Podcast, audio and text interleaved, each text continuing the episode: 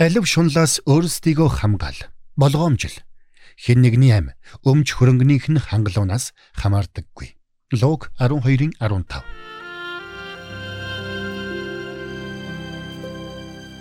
Мэргэний сонсог мэдлэгэд хэлэг.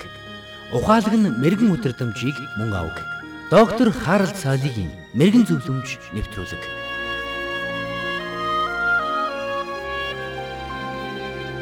Та 3 удаа нүүхэн нэг удаа түүмэрт өртөхтэй адил гэдгийг сонсч байна уу? Өөрөөр хэлбэл бид гэрээ нүүлгэх бүртээ шаардлагагүй гэж үзсэн зүйлсээ хаяж цөөлдөг. Заримдаа өөрт хэрэгтэй зүйлсээ ч хаях ёстой болдог. Учир нь зарим хүмүүс гэртээ, шүүгэнд, агуулгахдаа, гаражда огт хэрэглэхгүй зүйлсээ хадгалсаар л байдаг. Эцэст нь ийш тийшээ нүүх болохоор тэднийг хаяхаас аргагүй болдог. Тэгвэл тэр их зүйлсийг яах гэж хадгалаад байдаг юм бэ? Ягд гэвэл тэр зүйлийг хаяхаас хайрын санагдаад хизээ нэгэн цагт хэрэг болно гэж бодоод хадгалж хураадаг. Гэвч тэр зүйлсээ ихэнхдээ хизээж хэрэгэлдэггүй. Өнөөдөр өөрт хэрэггүй эд зүйлсийг хурааж хоримтлуулдаг, муухайгаар хэлбэл новш цуглуулдаг хүмүүс олон байна. Энэ бол нэг төрлийн сэтгцийн эмгэг юм. Үүнээс болоод бидний орон гэр хэрэггүй хог навшоор дүүрээ зогсохгүй. Бидний зүрх сэтгэл, оюун санаач мөн бохирдож байдаг. Эзэн Есүс нэгэнтээ сүнсэндээ ядуус ёроолтэйе. Тэнгэрийн хаанчлал тэднийх юм. Матай 5:3 химэн айлдсан байдаг. Мэдээж бидний хинэн ч ядуу байхыг хүсдэггүй. Сүнсэндээж тэр, эд материалаараач тэр. Дэлхийн хаанч адилхан. Би дэлхийн олон оронд очиж олон янзын хүмүүстэй уулзаж үзсэн. Үнэн дээр бүхэл хүн баян ядуугаас үл хамааран үргэлж илүү их зүйлд тэмүүлж өөрт байгаагаа чамлж байдаг. Угтаа бол хүн бүр энэ минийх гэж хэлэх дуртай.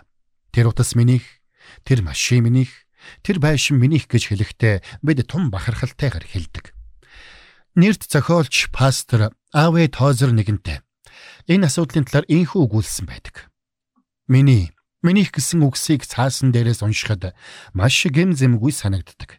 Гэтэл энэ үгийг хэлэх үед төрөх мэдрэмж нь дэлхийн хаанч яг адилхан маш хүчтэй байдаг.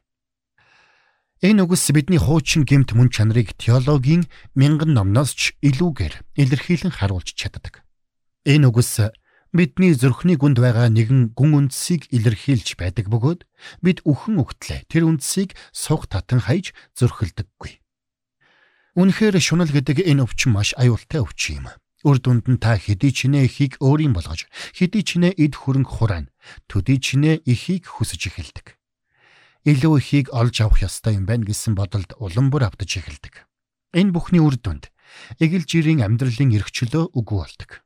Тэгвэл өнөөдөр таны цаг хугацаа, хүсэл сонирхол, амьдралыг чинь юу өөртөө татаж, юу булааж байна вэ? Та бодоод үзээрэй. Есүс Христ энэ дэлхий дээр амьдарч байхдаа хүмүүст байгаа байдлыг нь бөөрөнхийлж ториулалгүй шууд хэлдэг байсан. Тэр хүмүүсийн дотроо хадгалж буй хоёр нүрийг элчилж зүрх сэтгэлд нь буй асуудлыг ил гарган ирдэг байсан. Тиймдээ ч Есүс алив шунлаас өөрсдийгөө хамгаал болгоомжил хэн нэгний ам өмч хөрөнгөнийх нь хангалуунаас хамаардаггүй. Луг 12:15 химэн хэлсэн байдаг.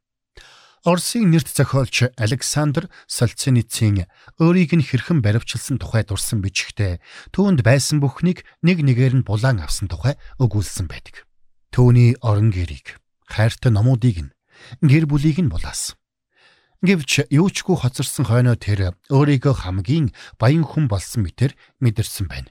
Учир нь түүний зүрх сэтгэл дотор байгаа бүхнийг хинч хизээж булааж авч чадахгүй гэдгийг тэр ойлгосон байна. 1978 онд Харвардын их сургуулийн төгсөлтийн арга хэмжээндээр хэлсэн үгэндээ Солженицын эд зүйлсийг шүтсэн нийгмийг зэмлэн буруу шаасан байдаг. Тэрээр тавьсан илтгэлийнхээ төгсгөлд ийхүү хэлсэн байдаг. Өнөө үе бол дундад зууны үеэс соён гэгэрлийн үе рүү шилжсэн агуу шилжилттэй адил хэмжээний түүхэн чухал шилжилтийн үе юм. Энэ чухал цаг үед бид хараага өндөр дөргөж сүнслэг зүйлсийг олж харах хэрэгтэй байна.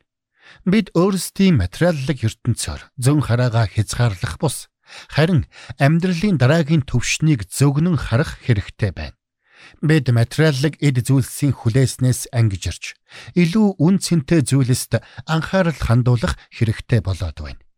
Энэ дэлхий дээр амьдарч буй хүн бүрд зөвхөн дэшэ тэмүүлэхээс өөр гарц үгүй болжээ. Химэн тэр хэлсэн байдаг. Тэгвэл түүний энэ үг одоо ч үнэн хിവэрэ байна.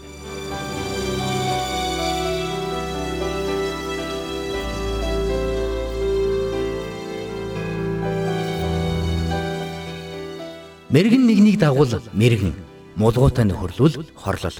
Доктор Харалт цайлигийн мэрэгэн зөвлөмж нэвтрүүлэг танд хүрэлээ.